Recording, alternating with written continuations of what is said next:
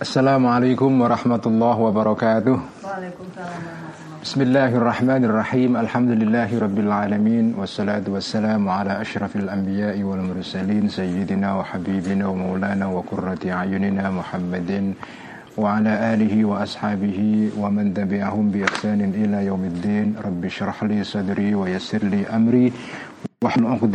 lisani yafqahu qawli Rabbi zidna ilma warzuqna fahma amin ya rabbal alamin Amma ba'du Teman-teman semua Mari kita Ngaji Mishkatul Anwar Dan kita mulai dengan hadiah Al-Fatihah Ila ruhi Nabiina wa Syafiina Muhammadin Sallallahu alaihi wasallam Wa ila ruwahil anbiya'i wal mursalin Wa ila ruwahil awliya'i wa syuhada'i wa salihin Wa mustahidina Wal ulama'is salihina wal mu'mina wal musannifin Khususan ila ruhi sultanil awliya Asyih Abdul Qadir al-Jilani وإلى روح سيد الطائفة الإمام الجنيد البغدادي وإلى روح حجة الإسلام أبي حامد الغزالي وإلى روح الشيخ الأكبر محي الدين ابن عرب وإلى أرواح أولياء الله تعالى أصحاب الطرق المعتبرة وإلى أرواح ولي في أرض جاوة قدس الله أسرارهم ونور ضرائحهم وأعاد عليهم بركاتهم ونفعنا بعلومهم وأمدنا بمددهم وإلى أرواح علمائنا مؤسس جمعية نهضة العلماء ونخص خصوصا روح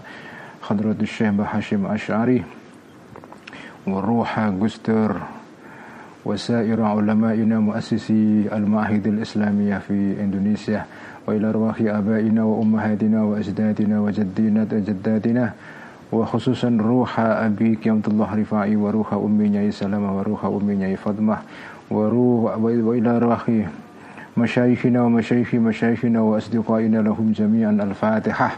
أعوذ بالله من الشيطان الرجيم. بسم الله الرحمن الرحيم. الحمد لله رب العالمين الرحمن الرحيم. مالك يوم الدين إياك نعبد وإياك نستعين اهدنا الصراط المستقيم. صراط الذين أنعمت عليهم غير المغضوب عليهم ولا الضالين. آمين. بسم الله الرحمن الرحيم. قال المؤلف رحمه الله تعالى ونفعنا به وبعلومه في الدارين. آمين. ربي يسر وأعين.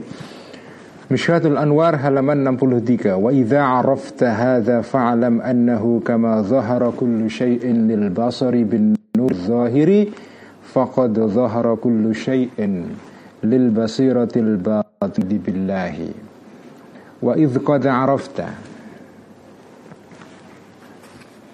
Kalau di edisi Darul Minhaj Fa'idha arafta Wa idh arafta Dan ketika telah mengetahui engkau Atau kalau dalam edisi Darul Minhaj Fa'idha arafta Jika mengetahui engkau hadha Mengenai keterangan kemarin itu Yaitu ada dua jenis orang Yang wusul sampai kepada pengetahuan tentang Allah ya Tentang sumber cahaya yaitu ada orang yang mengetahui Allah dengan jalan musyahadah penyaksian langsung yang sarananya adalah roso ya rasa dan zauk ada orang yang mengetahui Allah dengan jalan penalaran rasional yang disebut dengan uh, istidlal ya dan sarananya adalah akal jadi akal itu bisa sampai kepada Allah. Rasa juga bisa sampai kepada Allah ya.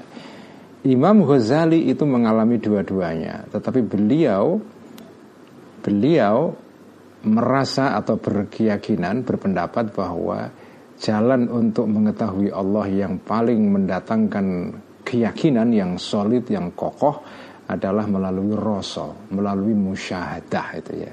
Istidlal bisa melalui rasio, melalui penalaran ya, tetapi tidak sekokoh melalui rasa gitu ya. Nah kalau kamu sudah mengetahui ini, fa'alam maka ketahuilah annahu sesungguhnya keadaan berikut ini namanya domir sya'an. Kama zahara sebagaimana tampak kullu syai'in segala sesuatu lil basori kepada mata lahir binuri dengan cahaya az-zahiri yang lahir faqad dhahara maka telah kelihatan tampak kullu syai'in segala sesuatu lil basirati kepada mata al-batinati yang tersembunyi yaitu mata hati yaitu berupa jiwa atau akal billahi karena Allah taala ya. Sesuatu yang lahir itu tampak karena cahaya. Taman dalam musim semi kemarin dicontohkan oleh Al-Ghazali, keindahan taman itu kelihatan karena ada cahaya. Begitu juga segala sesuatu yang bersifat batin, bersifat tersembunyi, pengetahuan, pengalaman, rohani, dan seterusnya itu semua menjadi mungkin tampak kalau ada Allah Subhanahu wa taala. Karena ada cahaya yang namanya Allah taala itu. Fahuwa maka Allah ini ma'akulli syai'in bersama segala sesuatu. Ada sesuatu yang di sampingnya tidak ada Allah itu. La yufariku tidak pernah pisah Allahu kepada syai'un ya. Thumma yadhharu kemudian tampak kullu syai'in segala sesuatu. Ya. Allah itu bersama sesuatu dan karena adanya Allah itulah segala sesuatu menjadi tampak itu. Kama annan nura sebagaimana sesungguhnya cahaya ma'akulli syai'in bersama segala sesuatu. Sesuatu itu tampak itu karena cahaya. Ya. sesuatu yang apa pun itu kita nggak pernah menyadari itu atau kita tahu tapi tidak tidak terlalu tidak terlalu ngeh ya yaitu kemarin yang disebut dengan sindrom gajah di ruangan itu ya. sesuatu yang ceto welo welo ya, jumleger gede banget di depan kita tapi kita nggak menyadarinya Nah itu begitu cahaya itu adalah bersama segala sesuatu wabi dan dengan cahaya itu yadharu kelihatan sesuatu itu. Nah cuma jadi sesuatu itu tampak karena cahaya, sesuatu yang lahir. Sesuatu yang batin, ya, sesuatu yang batin itu juga menjadi tampak karena ada Allah Subhanahu wa taala. Sesuatu yang batin itu apa? Ya, segala hal yang yang berupa apa? pengetahuan ya, berupa makulat sesuatu yang dinalar dengan pikiran itu ya ilmu ya segala ilmu itu itu itu bisa kita dapatkan ya karena adanya Allah itu. Allah lah yang membuat sesuatu itu nampak kepada mata batin kita. Kenapa kita bisa memahami ini, memahami itu? Ya. Kenapa kita ngaji Miskatul Anwar kok paham? Kok paham itu? Padahal ini pakai bahasa Arab ya. Ditulis ribu, hampir seribu tahun yang lalu. Ya, ya diterjemahkan oleh oleh Pak Lurah ya, tapi kan tetap ini karangan ulama dari seribu tahun yang lalu tidak memakai bahasa kita ya. Kok kita kita bisa paham itu? Kok kita bisa mengerti sesuatu yang yang dipikirkan oleh Al Ghazali kemudian dituangkan dalam kitab ini? Kok bisa? Itu namanya sesuatu yang batin ya. Jadi kemampuan kita memahami pengetahuan, memahami konsep, memahami makna, memahami pengertian, mengalami sesuatu. Itu semua dimungkinkan karena ada cahayanya cahaya, yaitu Allah Subhanahu wa taala itu. Walakin bakia. Jadi kalau ada orang tidak percaya adanya Allah, itu persis seperti orang yang tidak percaya cahaya, yang dia percaya hanya sesuatu yang dilihat saja taman bunga pohon ya yang dilihat kan hanya pohonnya tapi cahaya itu itu tidak tidak disadari kehadirannya oleh orang yang ada di taman itu karena ya tidak kelihatan cahaya itu kelihatan baru kalau matahari tenggelam di sore hari hilang kok tiba-tiba pohon dan segala macam tidak bisa dilihat. Nah itu baru dia paham. Oh ternyata sesuatu itu nampak bisa dilihat karena ada cahaya.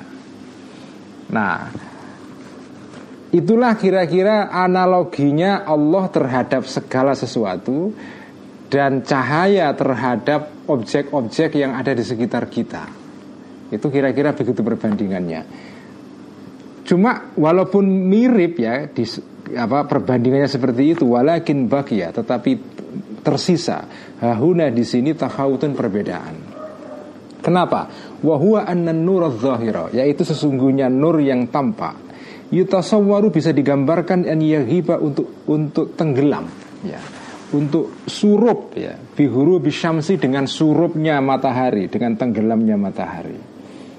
Wa yuhjaba atau ya wa yuhjaba dan di dihijab ya dihalangi ya uh, apa itu? Nur tadi itu hatta yazhara sehingga muncul azillu bayangan itu. Jadi nur yang bersifat lahir itu memang menjadi syarat sesuatu bisa nampak kelihatan ya.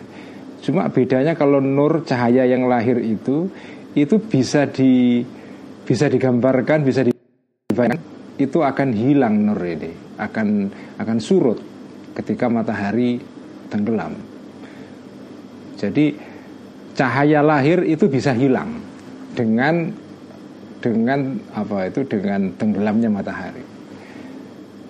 Sementara wa amman nurul ilahiyu Adapun cahaya ketuhanan Alladhi bihi yang dengan Nur ilahi ini yadharu Nampak kullu syai'in segala sesuatu ya.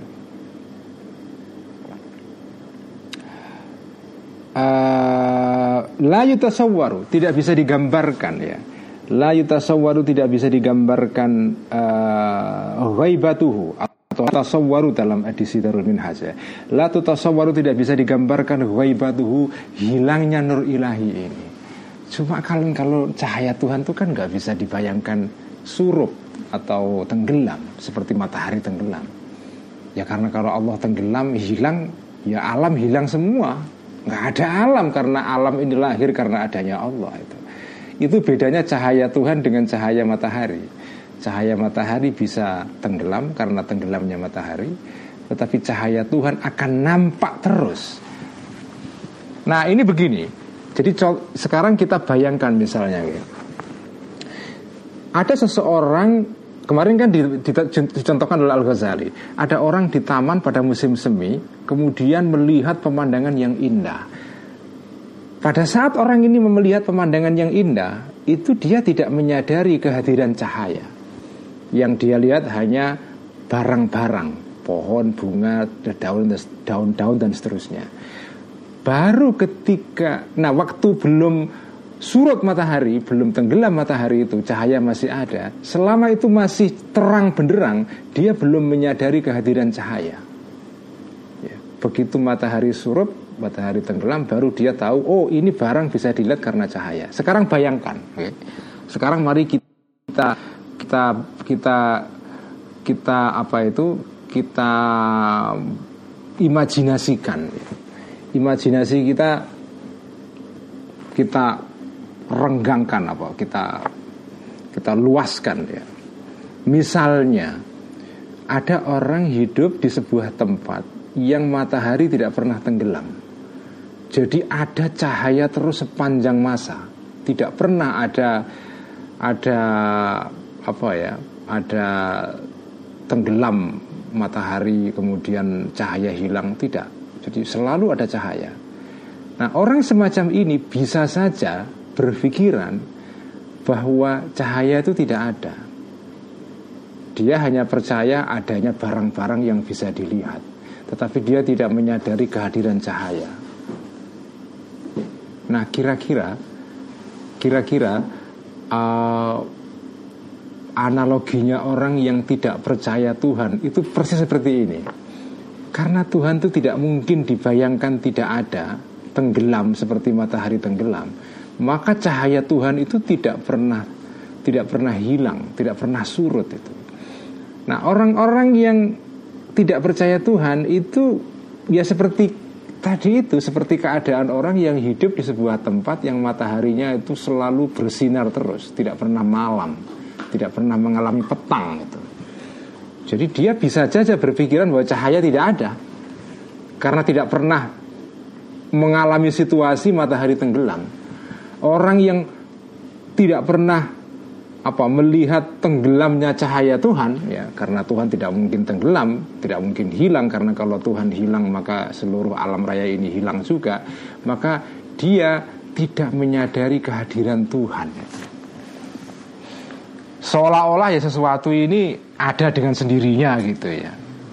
Sama dengan orang yang di taman tadi itu. Seolah-olah yang ada itu ya hanya pohon hanya daun hanya bunga cahaya tidak ada karena dia tidak pernah mengalami malam hari mengalami saat ketika cahaya itu hilang Nah ini bedanya antara cahaya lahir dengan cahaya batin Cahaya batin berupa cahaya Tuhan Tidak mungkin dibayangkan dia itu surut ya. Jadi uh, fa, apa wal, layu tasawwaru tidak bisa digambarkan nur ilahi ini ghaibatuhu hilangnya nur nur ilahi. Bal yastahil bahkan mohal taghayyuruhu perubahannya nur ilahi. Berubah pun itu tidak mungkin. Kan cahaya itu cahaya matahari itu kan kalau pagi itu uh, tidak terlalu panas nanti kalau sudah agak siang agak panas nanti begitu sampai di uh, di zenit di pusat apa di puncak cakrawala itu akan panas sekali. Sinarnya terang benderang. Nanti kalau sore itu cahayanya menjadi redup kembali ya. Nah, jadi cahaya matahari, cahaya zohir ya, itu mengalami gradasi. Ada saat-saat dia itu bercahaya lemah ya cahayanya kuat sangat kuat lemah kembali dan seterusnya. Lalu hilang cahaya Tuhan itu tidak bisa dibayangkan begitu cahaya Tuhan itu selalu terang benderang sepanjang zaman sepanjang waktu tidak pernah berubah itu walau tusuwiro dan jika dikatakan ghaibaduhu hilangnya cahaya ilahi ini lan haddad akan hancur as-samawatu langit wal ardu dan bumi. Karena artinya apa? Tuhan tidak ada. Begitu Tuhan tidak ada ya seluruh alam dan wujud ini tidak ada itu.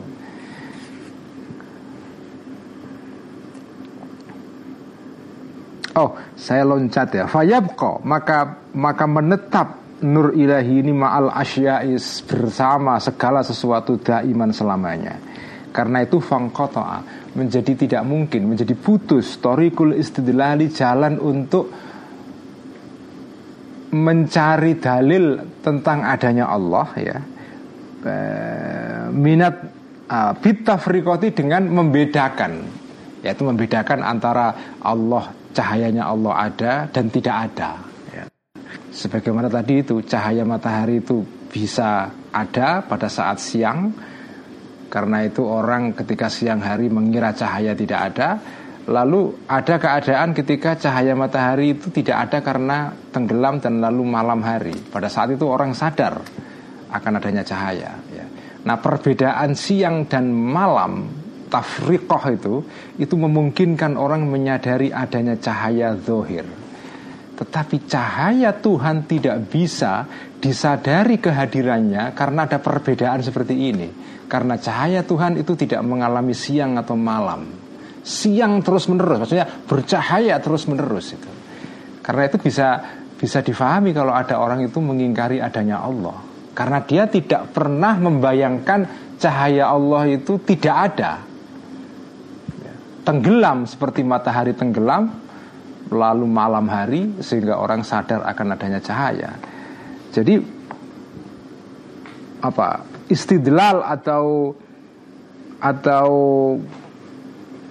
menunjukkan adanya Allah dengan cara apa ya adanya perbedaan antara siang dan malam tadi itu itu menjadi tidak mungkin dalam kasus cahaya ilahi ini. Walau tusawwira ghaibatu dan jika digambarkan ghaibatuhu hilangnya cahaya ilahi maka lan hadat akan hancur as-samawati wal ardu terlangit dan bumi itu ya. Wala udrika. Uh, dan dan pasti akan diketahui bihi dengan uh, ghaibah dengan hilangnya nur ilahi ya. Minat tafriqati berupa perbedaan ya.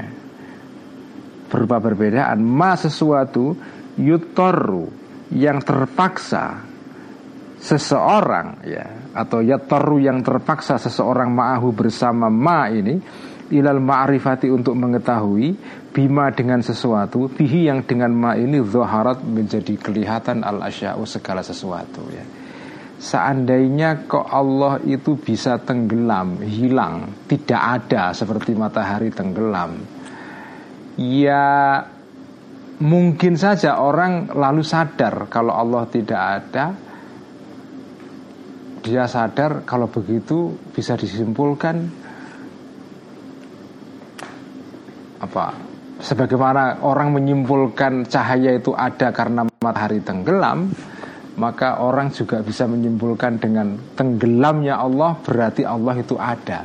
Tapi itu tidak bisa dibayangkan bayangan seperti ini karena kalau Allah tidak ada jenengan sudah pasti tidak ada sehingga tidak bisa istidlal lagi. Ya, nggak bisa itu. Ya. Walakin tetapi lama tasawat ketika ada ketika sama, ketika sederajat al asya'u semua segala sesuatu, kulluha semuanya ini sesuatu ini. Ala namatin atas cara wahidin yang satu ya. Fi syahadati di dalam menyaksikan. Ala wahdaniyati khaliqiyah terhadap ketunggalan, keesaan penciptanya. Uh, al asya tadi itu irtafa'a maka hilanglah atafriku pembedaan, pembedaan antara siang dan malam, antara matahari ada dan matahari tenggelam, atau antara Allah itu ada dan Allah tiada. Kalau seandainya dibayangkan Allah itu bisa tidak ada, ya maka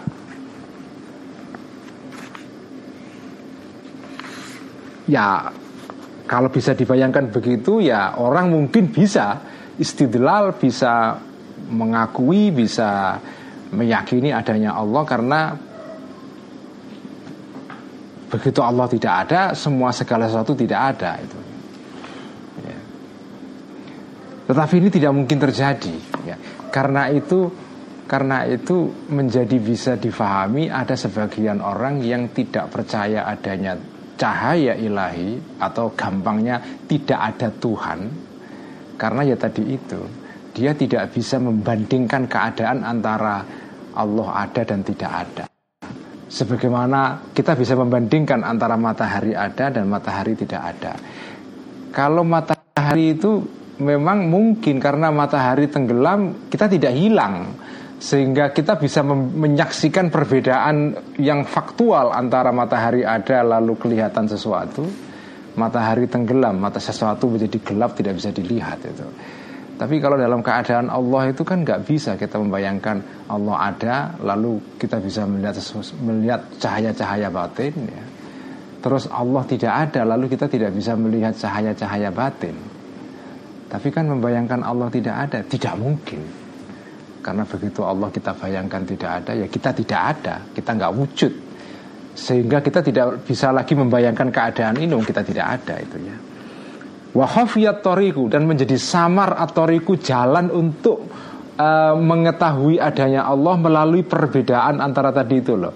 Antara uh, siang dan malam antara Allah ada dan antara Allah tidak ada. Perbedaan itu tidak mungkin karena membayangkan Allah tidak ada tidak mungkin ya. Itu toriku karena jalan az-zahiru yang kelihatan yang tampak dalil yang gampang diketahui orang itu adalah ma'rifatul asyai mengetahui segala sesuatu bil adadi dengan kebalikannya. Jadi sesuatu itu menjadi jelas kalau disandingkan dengan lawannya. Begitu apa ya warna hitam disandingkan dengan warna putih ya, itu warna hitam menjadi jelas warna putih jadi jelas ya. Segala sesuatu yang berlawanan ketika disandingkan satu dengan yang lainnya itu menjadi kontras dan kontras itu yang menampakkan sesuatu. Ya. Kalau sesuatu itu sendirian itu nggak kelihatan, begitu lawannya datang baru itu nampak itu, ya. Ya, baru kelihatan itu. Ketika laki-laki itu sendirian, ya, atau perempuan itu sendirian, itu tidak tidak terlalu nampak kelelakiannya dan keperempuanannya. Begitu laki-laki disandingkan kepada perempuan atau perempuan disandingkan dengan laki-laki, itu kan dua hal yang saling ber, berbalikan ya, berlawanan. Baru nampak itu sifat-sifat kelelakian menjadi muncul, sifat-sifat keperempuanan jadi muncul itu. Jadi makanya jenengan kalau ingin mengetahui sesuatu itu cari kebalikannya lawannya apa? Nah, baru nanti kita, kita lihat kontrasnya di mana itu. Kalau dia sendirian nggak kelihatan itu. Nah, tapi prinsip ini ini tidak bisa dipakai untuk kasus atau untuk Tuhan. Karena Tuhan kan nggak ada lawannya. Maksudnya Tuhan dan tidak Tuhan itu kan nggak ada karena sesuatu yang yang bukan Tuhan itu tidak bisa dilawankan dengan Tuhan karena nggak seimbang, nggak seimbang. Karena yang bukan Tuhan itu itu sumbernya dari Tuhan. Jadi sampai tidak bisa memperlawankan antara Tuhan dengan makhluknya. Seperti memperlawankan antara siang dan malam, laki-laki perempuan, positif negatif, atas bawah, hitam putih, kayak gitu itu nggak bisa itu. Karena karena kalau siang malam, laki-laki perempuan, hitam putih, atas bawah, kiri kanan itu sebanding sama-sama kalau laki-laki perempuan itu berlawanan tapi sama-sama manusia. Hitam putih berlawanan tapi sama-sama sama-sama warna ya. atas bawah itu beda tapi sama-sama arah ya. Tapi kalau Allah dengan makhluknya nggak bisa jadikan lawankan. Nggak bisa. Karena nggak seimbang. Karena itu prinsip ma'rifatul asya'i bil adat ya mengenal sesuatu melalui kebalikannya prinsip ini jenengan tidak bisa pakai dalam konteks Tuhan. Karena Tuhan tidak punya lawan. Tuhan tidak punya adat itu ya. artinya apa? Artinya ya kalau ada orang itu mengingkari adanya Tuhan ya itu kadang-kadang kita bisa paham karena ya seperti ini keadaannya ya. keadaannya karena Tuhan tidak bisa dilawankan dengan lawannya untuk mengetahui kontrasnya sehingga kita bisa mengetahui adanya Tuhan itu. Itu nggak bisa itu ya. Famala maka sesuatu yang tidak punya lawan lahu bagi sesuatu itu sesuatu itu wala dan tidak ada perubahan lahu bagi sesuatu itu tatasyabahul ahwalu menjadi serupa al ahwalu semua keadaan fi syahadati di dalam menyaksikan lahu bagi sesuatu itu ya. Segala sesuatu itu statusnya sebagai tanda adanya Tuhan itu semua sama tidak ada perbedaan. Tidak ada perbedaan karena tidak ada perbedaan, orang jadi samar. Ini poinnya yang mau dituju oleh Ghazali itu. Kenapa kok ada orang tidak percaya Tuhan? Karena keadaannya seperti ini. Segala sesuatu itu semua statusnya sama sebagai tanda adanya Tuhan. Karena semua statusnya sama, itu tidak ada perbedaan satu dengan yang lain. Orang jadi jumbuh, orang jadi samar. Lalu Lalu lalu kesimpulannya Tuhan tidak ada. Itu itu masalahnya. Beda dengan tadi itu siang dan malam ya. Adanya siang dan malam, ini kan beda kan, kebalikan tuh, siang kebalikannya malam. Perbedaan ini, inilah yang menjelaskan yang membuat orang itu menyadari adanya cahaya karena ada perbedaan. Jadi malam yang berbeda dengan siang, siang yang berbeda dengan malam itu membantu kita untuk mengambil kesimpulan bahwa cahaya ada. Tapi dalam konteks Tuhan itu tidak terjadi. Karena tidak ada siang dan malam dalam konteks Tuhan. Jadi semua sesuatu posisinya sama sebagai tanda adanya Tuhan. Karena sama kita jumbo. Ini ini A apa sesuatu A, sesuatu B, C dan seterusnya ini statusnya sebagai penunjuk adanya Tuhan ini di mana gitu. Karena semua sama, tidak ada yang lebih kuat, lebih lemah gitu kan. Nah, karena semua sama orang bingung. Bingung kemudian menyangka kalau gitu Tuhan tidak ada. Sama dengan orang yang hidup di negara yang siang terus-menerus. Siang terus-menerus nggak ada malam jadi ya semua hal tampak terus menerus lalu dia mengira ah kalau gitu cahaya tidak ada. Cahaya tidak wujud gitu ya. Nah inilah ini saya kira salah satu originalitas Al Ghazali di dalam menunjukkan apa ya menunjukkan dalil wujudnya Tuhan di sini ini dan kemudian juga menunjukkan kenapa sebagian orang tidak percaya Tuhan itu. Karena tadi itu gambarannya. Dan saya kira ini apa ya dalil yang orisinal dari Al Ghazali ini ya. Saya belum pernah ya mungkin karena saya belum membaca mendalam mengenai isu ini ya. Tapi tetapi dalam apa itu pengamatan saya ini ini ini dalil yang orisinal yang digagas atau dimunculkan oleh Al Ghazali. Kenapa sebagian orang nggak percaya Tuhan? Nah, alasannya karena ini, karena Allah itu sebagai cahaya itu bersinar terus menerus. Ya. Karena ada cahaya ini ada terus menerus, orang kemudian kehilangan kehilangan apa ya? Jadi tidak tidak menyadari adanya sesuatu itu. Karena kalau sesuatu itu ada terus, kalau jenengan setiap hari itu kok sehat terus itu ya, itu nggak sadar kalau jenengan sehat itu, ya kan? Lupa itu. Granted itu. Begitu jenengan sakit, oh iya ya kemarin tuh saya sehat ya, oh itu kan. Kalau orang itu kok kaya terus itu ya, itu nggak merasa kaya itu, ya kan? kaya kok dari lahir sampai mati kok kaya terus. Itu nggak merasa kaya itu. Begitu suatu ketika jatuh miskin oh saya pernah kaya rupanya itu. Oh kaya itu begitu ya. Jadi dia mengerti konsep kaya karena mengerti perbedaannya kontrasnya yaitu miskin itu. Lah kalau Allah ini ini nggak bisa dikontraskan itu. Allah kan ada terus cahayanya bersinar itu itu persis seperti orang yang kaya terus sehingga nggak merasa kaya jadi sesuatu yang terlalu terang benderang malah nggak kelihatan. Ini yang menjelaskan kenapa sebagian orang terhijab tidak bisa melihat Allah itu. Karena apa? Cahayanya Allah terlalu terang. Sehingga membutakan sebagian orang itu. Makanya nanti di bagian akhir kitab Mishkatul Anwar ada orang-orang yang terhijab karena cahaya Allah. Jadi cahaya itu ada ada dua kemungkinan. Cahaya itu menyinari, ada juga yang membuat kita jadi silau. Nah, orang-orang yang iman kepada Allah walaupun dia apa ya?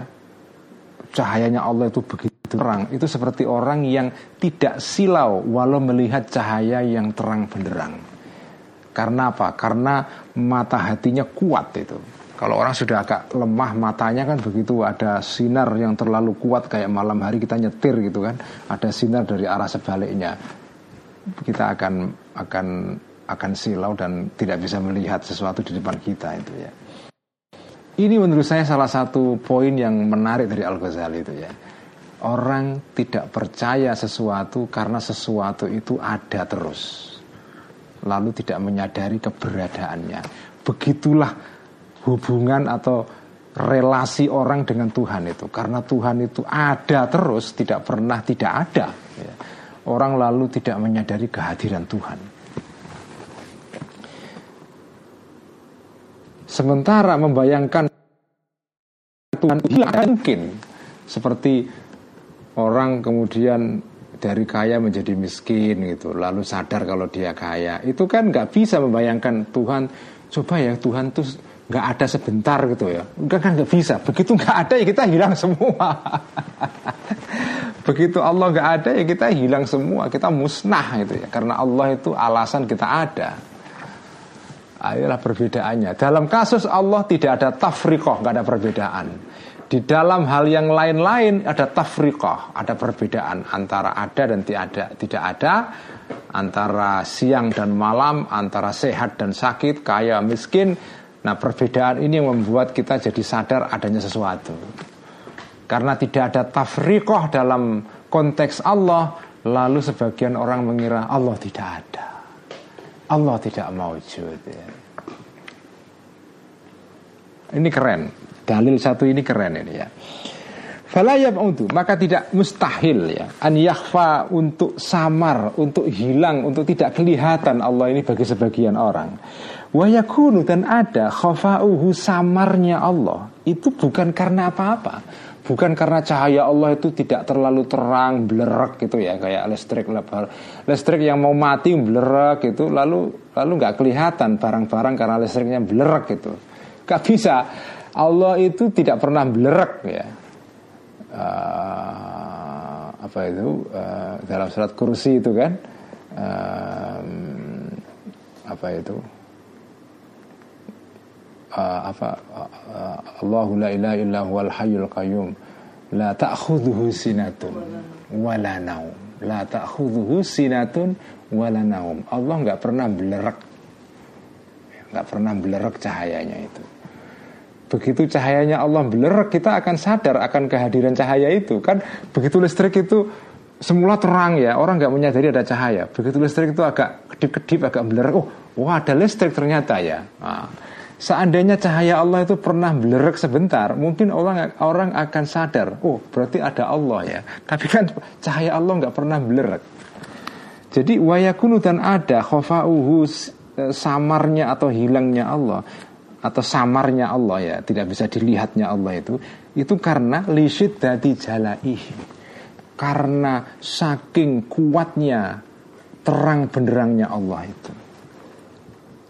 Wal ghaflatu dan lupa atau tidak sadar anhu dari Allah itu karena li isyraki dhiyaihi karena karena cemerlangnya cahaya Allah begitu cemerlang kita sampai tidak sadar kalau cahaya Allah itu ada fasubhana man ikhtafa 'anil khalqi li shiddati zuhurihi wahtajaba anhum li isyraki nurihi ini apa ya? Kalimat pujian kepada Allah yang ciptaan Al Ghazali sendiri ini ya. Indah sekali ini. Fasubhana man ikhtafa 'anil khalqi li shiddati zuhurih wahtajaba anhum li isyraqi nurih. Ya ini bersaja ini ya. Ini namanya apa itu ya uh, jinas tibak ini ya. Kayak apa dua hal yang saling berpasangan seperti jendela itu. Ada sayap kanan sayap kiri itu namanya jinas itu. Dalam bahasa Arab itu ada namanya muhassinat lafziyah. Sesuatu gaya bahasa yang membuat ungkapan itu jadi indah ya. Salah satunya ini jinas ini. Jinas tipak dua hal berpasang-pasangan Fasubhana man ikhtafa 'anil khalqi li syiddati zuhuri. Ini jendela pertama. Apa? Ya. Waqtajaba anhum li isyraqi nuri. Ini jendela kedua.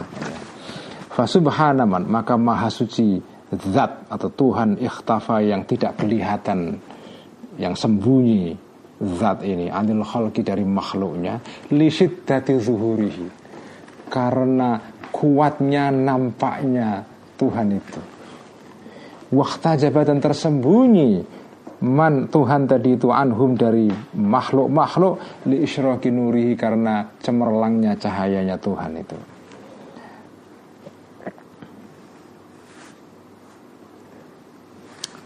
Saya kira cukup sekian saja ngaji Mishkatul Anwar malam ini ya. Kita teruskan besok. Ini saya mungkin kalau sudah selesai fasal pertama Kita akan berhenti ngaji Mishkatul Anwar bulan puasa ini. Nanti kita teruskan setelah lebaran. Jadi selama puasa ini kita menyelesaikan satu fasal. Satu fasal. Mishkatul Anwar terdiri dari tiga fasal. Jadi lumayan lah ya sak, sak, sak poso dapat satu pasal. Jadi kira-kira nanti ini ya Ya tapi kalau di luar puasa saya ngaji hanya seminggu sekali Nanti ya khatamnya akan lama. Tapi nggak apa-apa ya Ngaji kitab Mishkat ini kita nikmati slow aja lah ya. Sambil dirasakan Dihayati ya. Kayak minum kopi itu loh. Ilmu ilmu tasawuf itu nggak bisa kayak minum kayak orang minum teh atau teh pun juga harus pelan-pelan ya minum kopi itu harus minum Coca-Cola atau minum minuman-minuman yang bisa glok glok glok glok glok glok glok gitu. itu bukan begitu tasawuf itu bukan jenis minuman yang glok glok glok glok glok glok glok glok terus haus hilang terus seger gitu ya instan gitu. bukan begitu ilmu tasawuf itu kayak kopi kayak kayak wine kayak anggur kayak jadi dinikmati pelan-pelan di dibaui baunya kopi itu wah sedap sekali. Kadang sengaja diudek-udek lagi baui lagi minum lagi pelan-pelan ya. Itulah ilmu tasawuf ya. Jadi ilmu tasawuf itu ilmu rasa sehingga menikmatinya harus dengan seni ya.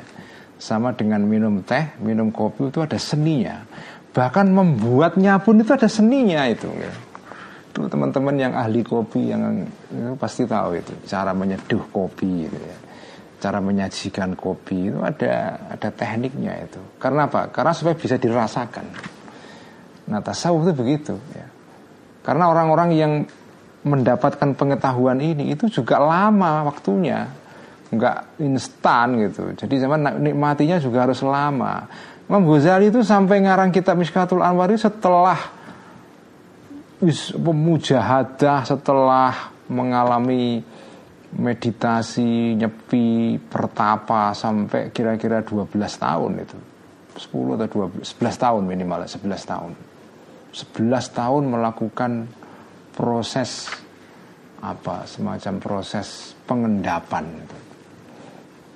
Panjang sekali. Miskatul Anwar ini kita kelihatannya tipis ya, tapi ini menyeduhnya itu lama banget itu. Lah jenengan mau minum minuman yang diseduh lama, prosesnya tahunan kok maunya. Kayak minum minuman instan glok glok glok glok. Ya nggak paham pasti. Pasti nggak paham itu ya. Sekian saja ngaji Misfatul Anwar malam ini. Kita teruskan besok. Insya Allah besok kita sudah bisa apa itu ya menghatamkan pasal pertama. Sekaligus besok malam kita khataman ngaji puasa ngaji puasa ya ngaji puasa. Jadi besok malam malam malam ahad malam minggu kita khataman ngaji puasa.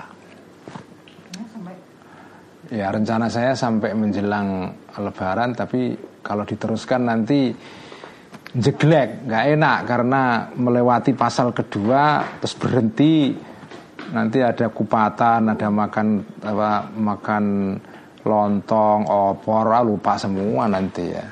Jadi kita hentikan pasal pertama karena sudah khatam ya. Nanti mulai setelah opor, setelah lontong segala macam itu nanti setelah pasal kedua kita mulai setelah selesai pasca kupatan segala macam itu ya. Supaya rohani kita sudah lagi gitu ya. Jadi puasa ini kita menyelesaikan satu fasal. Besok malam kita khataman ya. Besok malam kita khataman Mas Gofir, Kiai Akrom, Kiai Aki Udin, uh, Kiai Uyan ya, dan yang lain-lain. Kita besok khataman, jadi siapkan makanan di rumah masing-masing. Mbak Dayut, Mbak Firoh dan tim Ubres ya uh, silahkan makan-makan di rumah masing-masing hataman besok malam ya. Ya isinya idealnya hataman tuh makanan makan bareng-bareng ya nampan terus apa ada terongnya di tengah. Kalau di pondok itu asik banget tuh hataman ngaji itu begitu itu. Seru ya. Tapi ini karena pandemi nggak bisa gitu. Lagian ini kan ngajinya ngaji online. Jadi makan makannya makan makan online ya Sekian wallahu alam bisawab. Mari kita teruskan sebentar dengan kitab Ihya. Kalau Ihya ini khatamannya masih lama ini, masih tahunan ini ya. Bismillahirrahmanirrahim. Alhamdulillahirabbil alamin wassalatu wassalamu ala asyrafil anbiya'i wal mursalin sayyidina wa habibina wa maulana wa qurrati ayunina Muhammadin wa ala alihi wa ashabihi ajma'in amma ba'du faqala al-muallif rahimahullahu ta'ala ونفعنا به وبعلومه في الدارين amin rabbi yasir wa'in kitab ya halaman 1044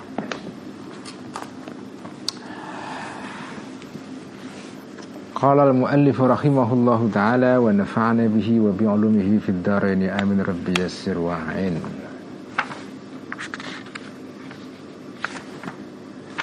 Nah ini ini kita khatam eh, kita baca ikhya kalau bisa kita kita selesaikan sampai kepada akhir dari bab yang sekarang ini yaitu bab mengenai hibah dengan hati ya.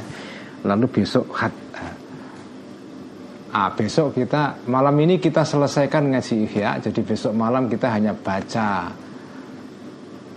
baca Miskatul Anwar. Ya. Jadi yang ihya kita bulan puasa ini khataman malam ini insya Allah ya. Wa mahma arafta hafwata muslimin bi hujjatin fansahu fis sirri wa la yakhta'annaka syaitanu fayad'uaka ila iktiyabihi wa idza wa'athahu falahu wa anta masrurun bitila'ika ala naqsihi liyanzura ilaika bi'aini ta'zimi. Wah ini ilmu dalam banget ini. Ilmu tentang bagaimana mengatasi hibah dengan hati wa dan setiap saat mengetahui engkau. Dan ketika mengetahui engkau hafwata muslimin. Kesalahan seorang muslim. Juga non muslim juga. Ya sekali lagi ini bukan hanya larangan hibah ini tidak hanya khusus untuk terhadap orang Islam saja. Orang non muslim juga sama. Bihujjatin kamu melihat kesalahan orang lain ya. Dengan hujjah artinya kesalahan itu memang salah secara apa ya dalilnya memang kuat bahwa ini salah itu ya. Melihat orang salah ya melakukan kesalahan itu jangan diingatkan terbuka. Apalagi ini orang yang punya harga diri atau ya orang yang terhormat di komunitasnya itu ya. Itu kalau ngasih tahu jangan terus terbuka fansohu maka nasihatilah engkau hu kepada muslim ini fisiri di dalam rahasia dalam keadaan tersembunyi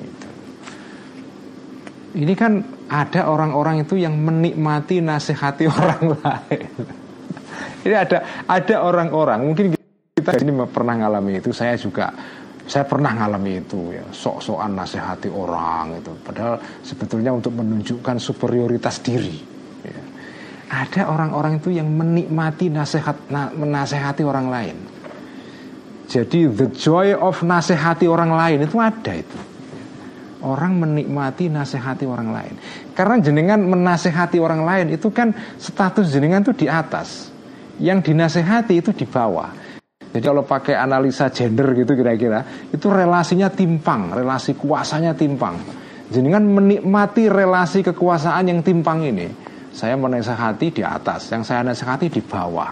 Apalagi di depan orang banyak nasihatinya. Wah, itu selain saya posisinya di atas juga dapat kehormatan sosial. Naik statusnya. Wah orang ini kok keren ya. Mampu nasihati orang lain itu. Naik posisinya.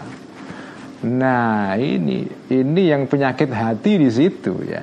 Makanya nasihati orang itu kalau bisa itu sembunyi-sembunyi wala yakhta'annaka dan jangan sekali-kali menipukan kepada engkau asyaitonu syaitan fayad'uwaka maka akan mengajak setan kepadamu ilah untuk ngerasani orang itu karena orang ber, orang berbuat salah itu kan paling nikmat untuk dihibai.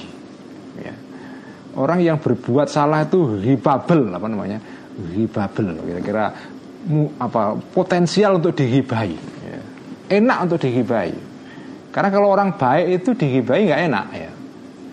Orang itu kok hebat Ya bisa juga sih hibah kebaikan orang Tapi itu bukan hibah jenengan menghibai kebaikan orang itu tidak kategorinya hibah yang dosa. Boleh itu, nggak apa-apa, ya, halal. Yang nggak boleh adalah hibah itu menghibai orang keburukannya. Makanya definisi hibah itu kan zikrul ghairi uh, bisui, menyebut-nyebut, nyinggung-nyinggung orang lain dengan melalui kejelekan-kejelekan dia. orang salah, setan akan dorong-dorong kamu untuk hibah itu. Nah itu jangan, jangan diikuti itu. Wa idza wa'atha. Dan jika menasehati engkau hu kepada muslim yang berbuat salah tadi itu, fala ta'idhu. Maka jangan menasehati engkau hu kepada muslim wa anta sementara kamu masrurun merasa gembira bitilai karena mengetahuinya engkau ala naksi terhadap kekurangannya orang itu. Ada orang itu yang merasa nikmat ketika melihat orang lain itu berbuat salah. Nikmat itu. Karena apa? Karena secara tidak langsung dia merasa oh saya suci yang lain kotor itu nikmat kan ini makanya saya katakan pasal mengenai hibah ini ini kayak psikoanalisis ini. Ngudak-ngudak perasaan kita. Jadi Imam Ghazali itu kayak kayak ngerogoh jiwa kita itu. Ini orang yang hibah itu sebetulnya proses mentalnya itu seperti ini ya. Kalau jenengan hibah itu ya itu menikmati hibah. Jenengan nuturi orang ya, nasihati orang dan sampean mengetahui kesalahan orang itu itu menimbulkan kenikmatan itu Nah, jangan sampai kamu itu nuturi nasihati orang dalam keadaan sampean itu menikmati nuturi itu karena sampean mengetahui kekurangannya itu lian duro supaya melihat orang ini ilaika kepada dirimu bi'aini ta'zimi dengan mata menghormati itu. Kalau kalau orang ketahuan kesalahannya itu kan kayak kayak kerbau. Tercocok hidungnya itu kan. Nggak bisa apa-apa udah. Mati gaya udah karena sudah ketahuan kejelekannya. Akhirnya dia menghormati orang yang mengetahui kesalahan dia. Munduk-munduk langsung langsung merasa kayak kalah set itu ya. Kalah dalam pertandingan itu. Buatan zuro dan melihat engkau ilahi kepada orang yang salah ini biainil istighfari dengan mata merendahkan. Jangan sampai kamu menasehati orang itu dengan pretensi merendahkan orang itu. Sambil menikmati apa rasa nikmat mengetahui kesalahannya orang itu. Watatarafa dan merasa tinggi engkau alaihi di atas orang ini ya. Bidalatil wa'zi dengan apa itu dengan simbol berupa menasehati itu ya. Wal yakun dan adalah kosduka tujuan kamu untuk ketika menasehati orang adalah tahlisahu untuk membebaskan orang itu minal ismi dari dosa ya. murni karena itu wa anta dan sementara kamu hazinun itu benar-benar sungguh-sungguh merasa sedih karena teman kamu berbuat salah itu kama tahzanu sebagaimana sedih engkau ala nafsika kepada diri kamu idza dakhala ketika terjadi alaika terhadap dirimu nuksonun kekurangan fidinika di dalam agama kamu. Jadi nuturi orang ini seni the art of nuturi orang ya. Of uh, apa itu? Of tell, telling other people how to do good ya jadi bagaimana kita itu nuturi orang itu ada seninya. Ada seninya itu. Jangan meniru-niru perilaku netizen yang sekarang ini ya. Wah itu kalau ada orang salah itu tepuk tangan itu. Wah, karena orang yang berbuat salah di Twitter itu ditunggu-tunggu itu. Kapan si ini itu kepleset ya? Kapan si itu kepleset ya? Karena begitu kepleset ada bahan untuk diviralkan. Ada bahan untuk ditrendingkan. Lah. Pokoknya kalau ngaji Ihya ini, ini semuanya kritik terhadap perilaku kita di era medsos ini pokoknya ini. Wayambahi dan seyogianya an yakuna ada tarkuhu meninggalkan apa itu uh, meninggalkan orang yang berbuat salah ini lidzalika karena apa itu uh, lidzalika karena meninggalkan orang tersebut lidzalika karena alasan tadi itu itu alasan khawatir kalau nasihati orang itu jenengan apa itu merasa ada di tempat yang tinggi, merasa posisi jenengan naik dan seterusnya ya. Min ghairi nuskhika uh, tanpa nasihat kamu ya ahabba lebih disukai lebih lebih disukai ilaika kepada diri kamu mintarkihi daripada meninggalkan orang tersebut yang berbuat salah itu bin nasihati dengan nasihat faida faanta faida anta maka jika ada engkau faalta melakukan engkau zalika tadi itu kunta maka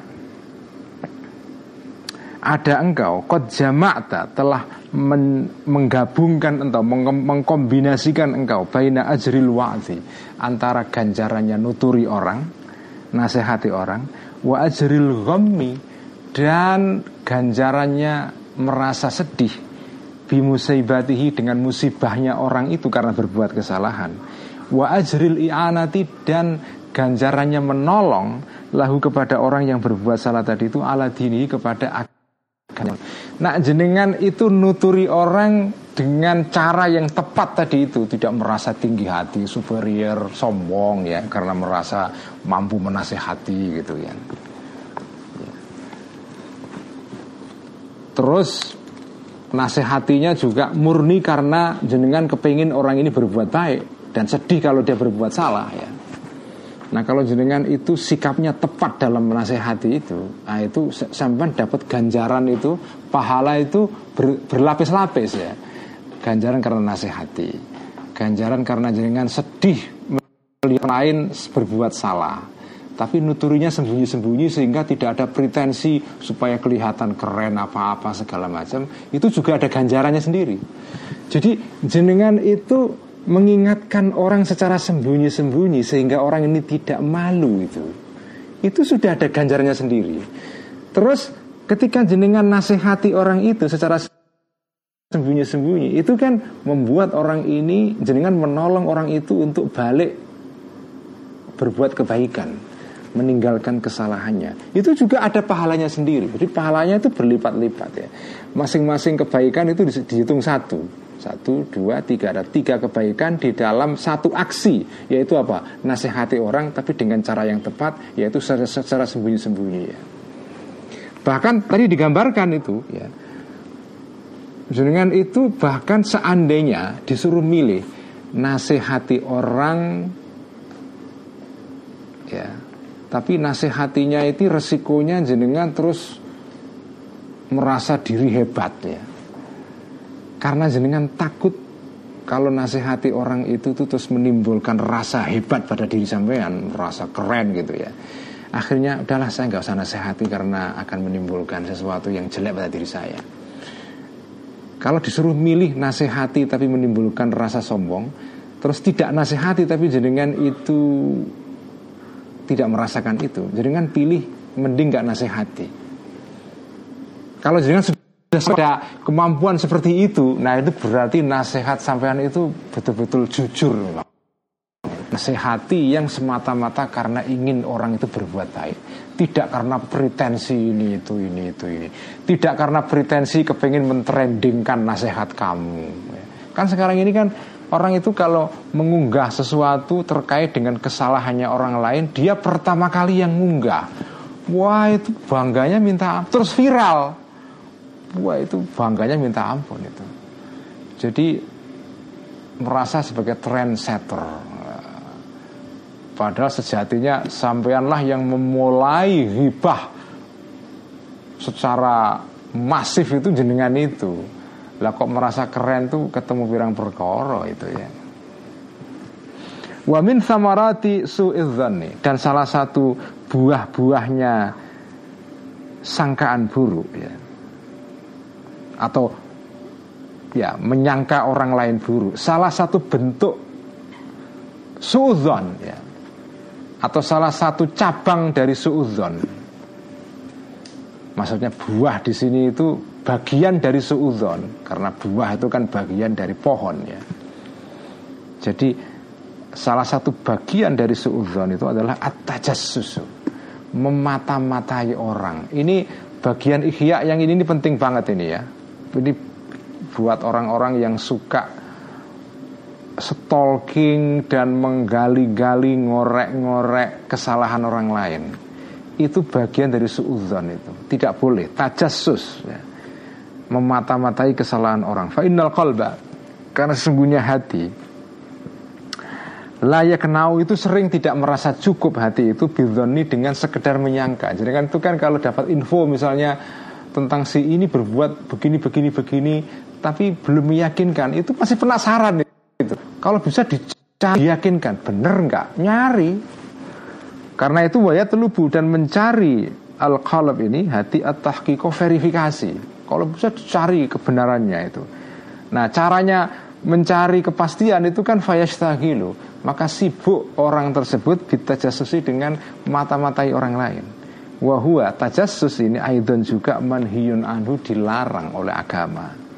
Kalau Allah Ta'ala berfirman Allah Ta'ala Wala tajassasu Ini salah satu ayat penting di dalam surat Al-Hujurat ya.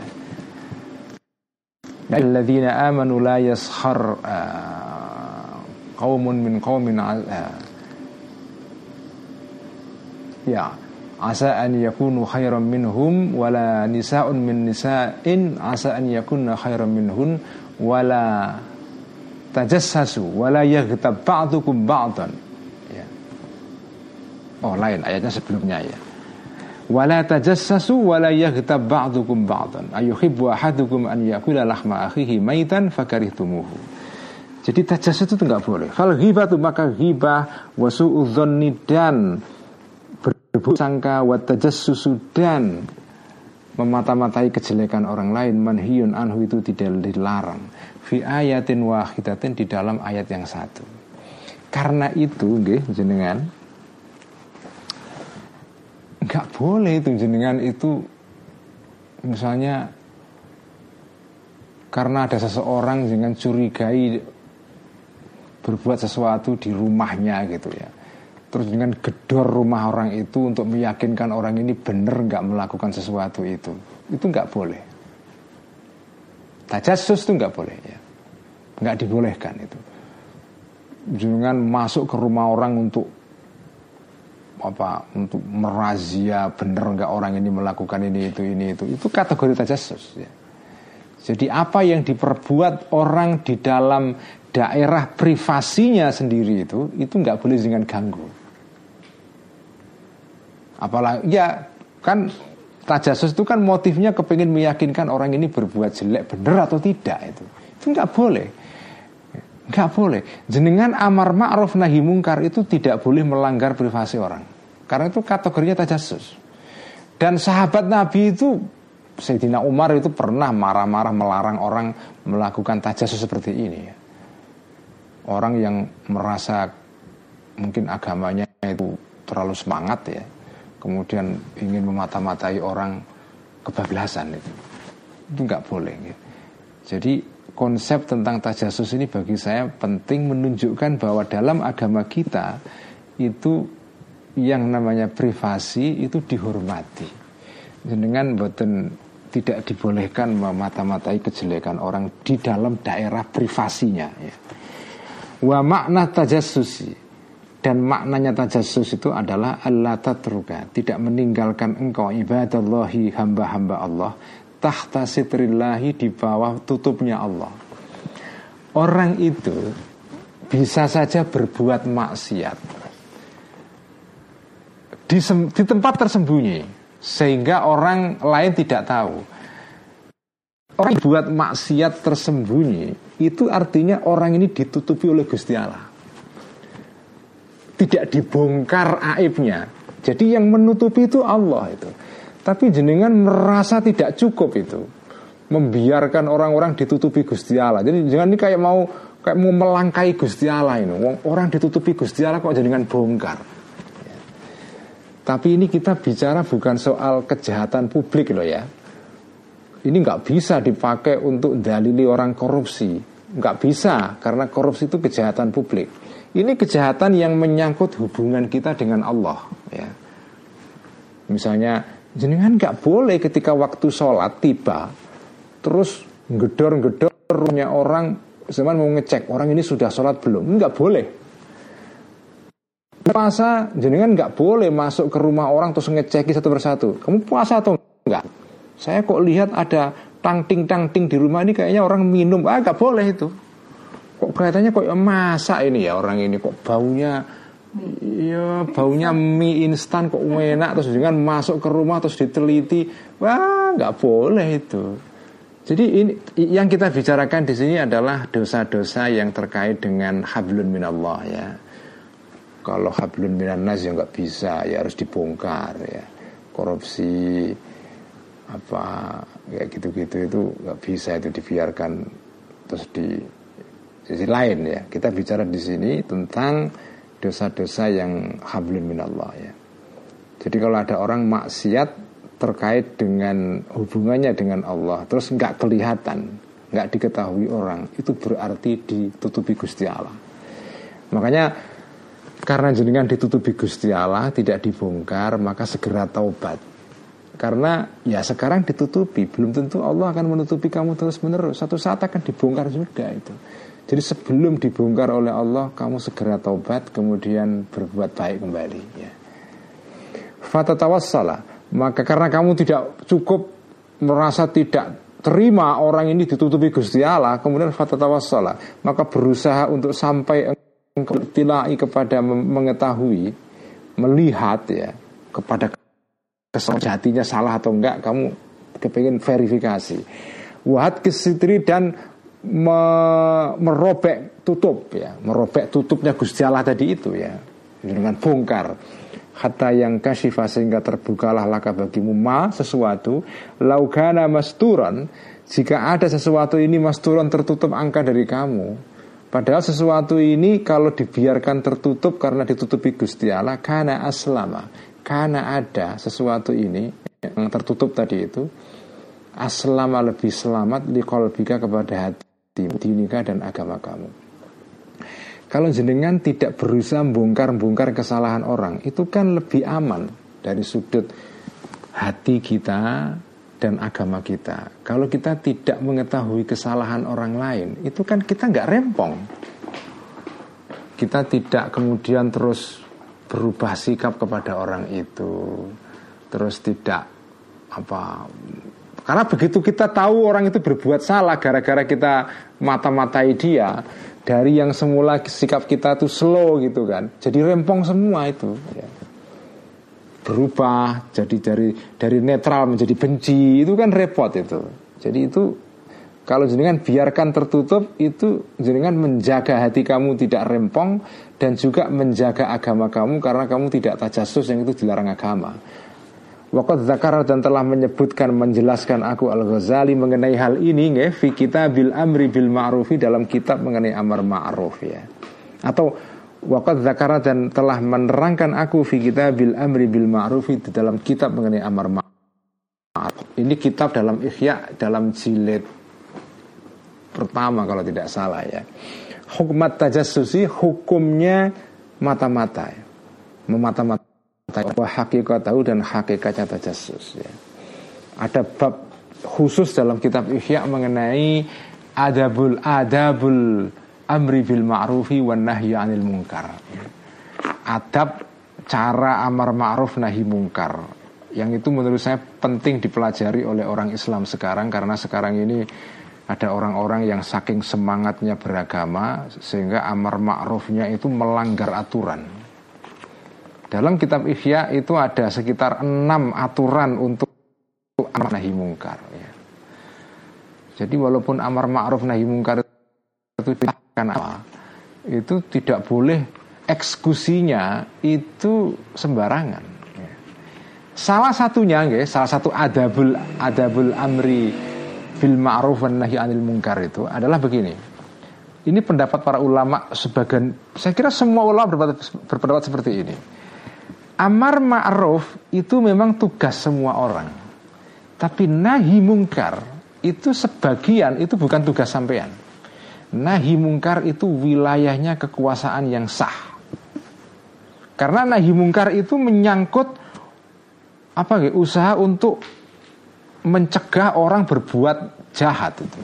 Itu wewenang yang terlalu tinggi untuk diserahkan kepada semua orang. Bisa bisa kacau masyarakat kalau jenengan main hakim sendiri itu.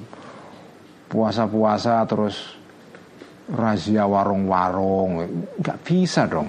Nggak bisa nahi mungkar itu wilayah penguasa bukan wilayah polisi partikelir atau polisi swasta yang seenaknya sendiri. Nggak bisa main hukum sendiri. Jadi kalau amar ma'ruf itu jenengan itu tugas semua orang. Boleh siapa saja amar ma'ruf ya karena amar ma'ruf itu kan sekedar menganjurkan orang berbuat baik ya. Tapi kalau nahi mungkar itu resikonya besar. Makanya nahi mungkar itu kaidahnya secara umum adalah itu wilayahnya imam atau penguasa yang sah, yang formal, yang punya aparat, punya kekuatan untuk nahi mungkar. Karena kalau nahi mungkar diserahkan kepada siapa saja, itu bisa menimbulkan kekacauan dalam masyarakat. Karena itu para ulama itu membuat kaidah tadi itu. Dan Imam Ghazali dalam kitab Ihya itu punya menerangkan tentang beberapa aturan untuk untuk amar ma'ruf nahi mungkar ya. Salah satu adabnya, aturannya adalah menurut kitab Ihya adalah jenengan tidak boleh amar ma'ruf nahi mungkar, terutama nahi mungkar yang justru akibatnya menimbulkan masalah lebih besar. Dalam bahasa kitab Ihya itu nahi mungkar yang justru menimbulkan kemungkaran yang lebih besar itu nggak boleh. Jadi nahi mungkar kok malah menimbulkan kemungkaran yang lain? Nggak boleh itu. Nggak boleh itu. Itu sama dengan mengatasi masalah dengan masalah. Ah nggak boleh itu. Makanya tiru pegadaian mengatasi masalah tidak dengan masalah ya. Harus harus begitu ya. Itu aturan main untuk amar ma'ruf nahi mungkar. Sekian ngaji ihya malam ini untuk bulan puasa. Ngaji ihya malam ini sekian ya sampai di sini kita teruskan nanti setelah Syawal setelah Lebaran pengumumannya akan diumumkan melalui akun Facebooknya Pak Lurah. Tadi ada yang usul doa namanya doa minta maaf dari Gibah. Oh ya. Sebelum sebelum apa salawatan. Uh, nanti kita tutup dengan doa tapi jadi malam ini ini alhamdulillah ya ya Allah saya saya dan Pak Admin ini uh, merasa dapat anugerah nikmat dari Allah yang luar biasa. Puasa ini kita bisa menuntaskan dan jenengan semua juga bisa menuntaskan ngaji ihya bersama saya selama bulan puasa walaupun ada peraih berapa ya Mbak Admin ya? Ada tiga hari ya. Ya lumayan lah ya. Eh, empat, empat. empat hari ya. Empat ya? Tiga kayaknya ya. Tiga hari Oh ya, enggak kok tiga hari kok, cuma tiga hari berainya itu. Jadi ya lumayan lah kita bisa. Ya Allah, alhamdulillah kita bisa ngaji ya selama bulan puasa. Ini aku anugerah dari ini cahaya dari Allah ini ya. Kita dapat dapat cahayanya Imam Ghazali selama bulan puasa setiap jam 9 sampai jam 10 kita ini Ha ya Allah kita dapat cahaya berlimpah-limpah ya dari kitab Mishkat, dari kitab Ihya. Ini semua nikmat yang luar biasa kita syukuri alhamdulillah. Dan saya juga minta maaf ya kalau selama ngaji bulan puasa untuk Ihya ini karena kita besok masih ada kesempatan satu lagi ya pertemuan khataman untuk Mishkat. Saya minta maaf jika ada kekhilafan dan kekurangan dan kita juga mari meminta apa ampun kepada Allah atas dosa-dosa hibah kita ya selama puasa dan sebelum puasa ya.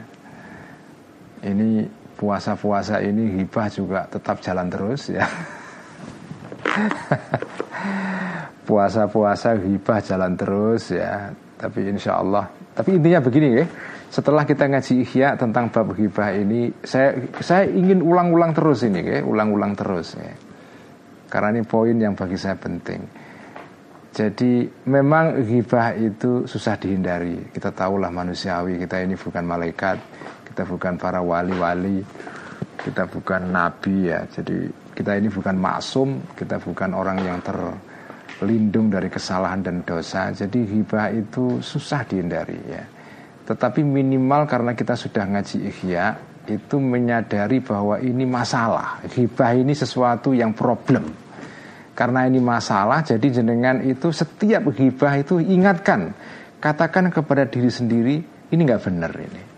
Terus ya kita kontrol, kita kontrol. Jadi minimal kalau sudah ngaji ihya itu hibahnya itu hibah yang terkontrol dan terkendali.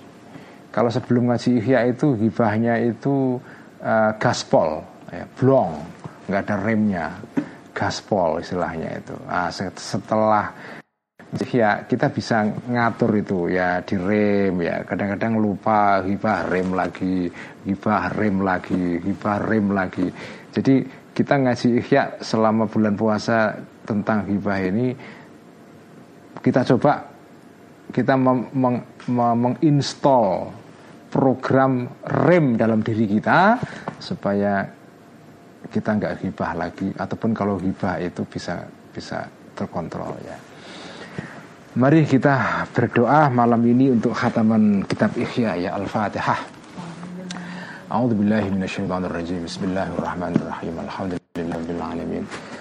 الرحمن الرحيم مالك يوم الدين إياك نعبد وإياك نستعين اهدنا الصراط المستقيم صراط الذين أنعمت عليهم غير المغضوب عليهم ولا الضالين آمين. بسم الله الرحمن الرحيم الحمد لله رب العالمين حمدا نعيما حمد الشاكر حمدا يوافي نعمه ويكافي مزيده. يا ربنا لك الحمد كما ينبغي لجلال وجهك الكريم وعظيم سلطانك. اللهم صل وسلم على سيدنا محمد ضد القلوب ودوائها وعافية الأبدان وشفائها ونور الأبصار وضيائها وعلى آله وصحبه وسلم. اللهم صل وسلم على سيدنا محمد الفاتح لما أغلق والخاتم لما سبق ناصر الحق بالحق والهادي إلى صراطك المستقيم. اللهم صل وسلم على سيدنا محمد صلاة وسلاما تنجينا بهما من جميع الأهوال والآفات وتقضي لنا بهما جميع الحاجات وتطهرنا بهما من جميع السيئات وترفعنا بهما عندك على الدرجات وتبلغنا بهما وصل الغايات من جميع الخيرات في الحياة وبعد الممات. اللهم ربنا ظلمنا أنفسنا وإن لم تغفر لنا وترحمنا لنكونن من الخاسرين فاغفر لنا وارحمنا يا رحمن يا رحيم. اللهم اغفر لنا ولوالدينا وارحمهما كما ربيانا صغارا. اللهم يا الله اللهم يا الله طول أعمارنا وسخر أجسادنا وحسن أعمالنا وسلم ديننا وسلم إيماننا. وسلم قلوبنا وسلم قلوبنا وسلم قلوبنا وسلم أولادنا وسلم أزواجنا وسلم والدينا وسلم يا الله مشايخنا وسلم إخواننا وأخواتنا وسلم أصدقائنا وسلم طلابنا وتلامذتنا وسلم بيوتنا وسلم بيوتنا وسلم بيوتنا وسلم بلدتنا إندونيسيا وسلم بلدتنا إندونيسيا يا الله وسلم بلدتنا إندونيسيا يا الله وسلم علماءنا ورؤساءنا وأمراءنا وسلم علماءنا وأمراءنا ورؤساءنا وسلم علماءنا وأمراءنا ورؤساءنا وقضي حوائجنا بالدين والدنيا والآخرة اللهم يا الله إنا نسألك رضاك والجنة ونعوذ بك من سخطك والنار. اللهم إنك عفو كريم تحب العفو فاعف عنا يا الله يا كريم. اللهم سلمنا لرمضان اللهم سلمنا لرمضان اللهم سلمنا لرمضان وسلمه لنا وتسلمه منا متقبلا.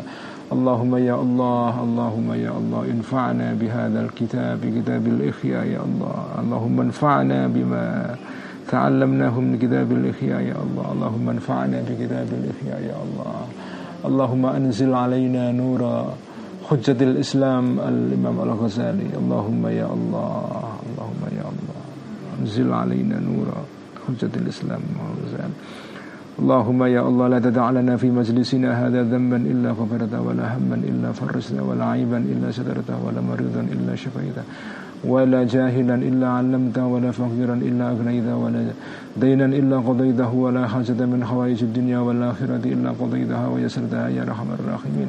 اللهم أصلح لنا ديننا الذي وعصمة أمرنا وأصلح ديننا الذي فيها معاشنا واجعل الحياة زيادة لنا في كل خير واجعل الموت راحة لنا من كل شر. اللهم يا الله اجعل ذريتنا من أهل الإيمان والعلم والحكمة والصلاة اللهم اجعل ذريتنا يا الله من أهل الإيمان والعلم والحكمة والصلاة اللهم اجعل ذريتنا يا الله من أهل الإيمان والعلم والحكمة والصلاة. ربنا هب لنا من أزواجنا وذرياتنا قرة أعين واجعلنا للمتقين إماما. ربنا آتنا في الدنيا حسنة وفي الآخرة حسنة. وقنا عذاب الرب اختم لنا بخاتمة سعادة أجمعين. صلى الله على سيدنا محمد وعلى آله وصحبه أجمعين. سبحان ربك رب العزة عما يصفون. وسلام على المرسلين والحمد لله رب العالمين. بسر سورة الفاتحة. أعوذ بالله من الشيطان الرجيم بسم الله الرحمن الرحيم الحمد لله رب العالمين الرحمن الرحيم مالك يوم الدين إياك نعبد وإياك نستعين اهدنا الصراط المستقيم صراط الذين أنعمت عليهم غير المغضوب عليهم ولا الضالين آمين Mari kita tutup dengan bacaan salawat tibbil qulub. Allahumma salli ala sayyidina محمد طب القلوب ودوائها وعافية الأبدان وشفائها ونور الأبصار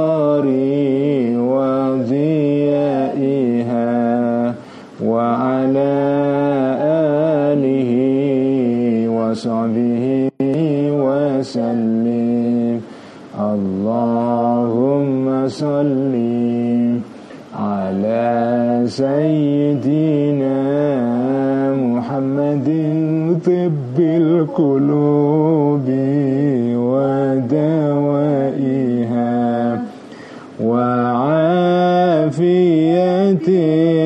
الأبدان وشفائها. ونور الأبصار وضيائها وعلى آله وصحبه وسلم. اللهم صلِّ سيدنا محمد طب القلوب. ودوائها وعافية الأبدان وشفائها ونور الأبصار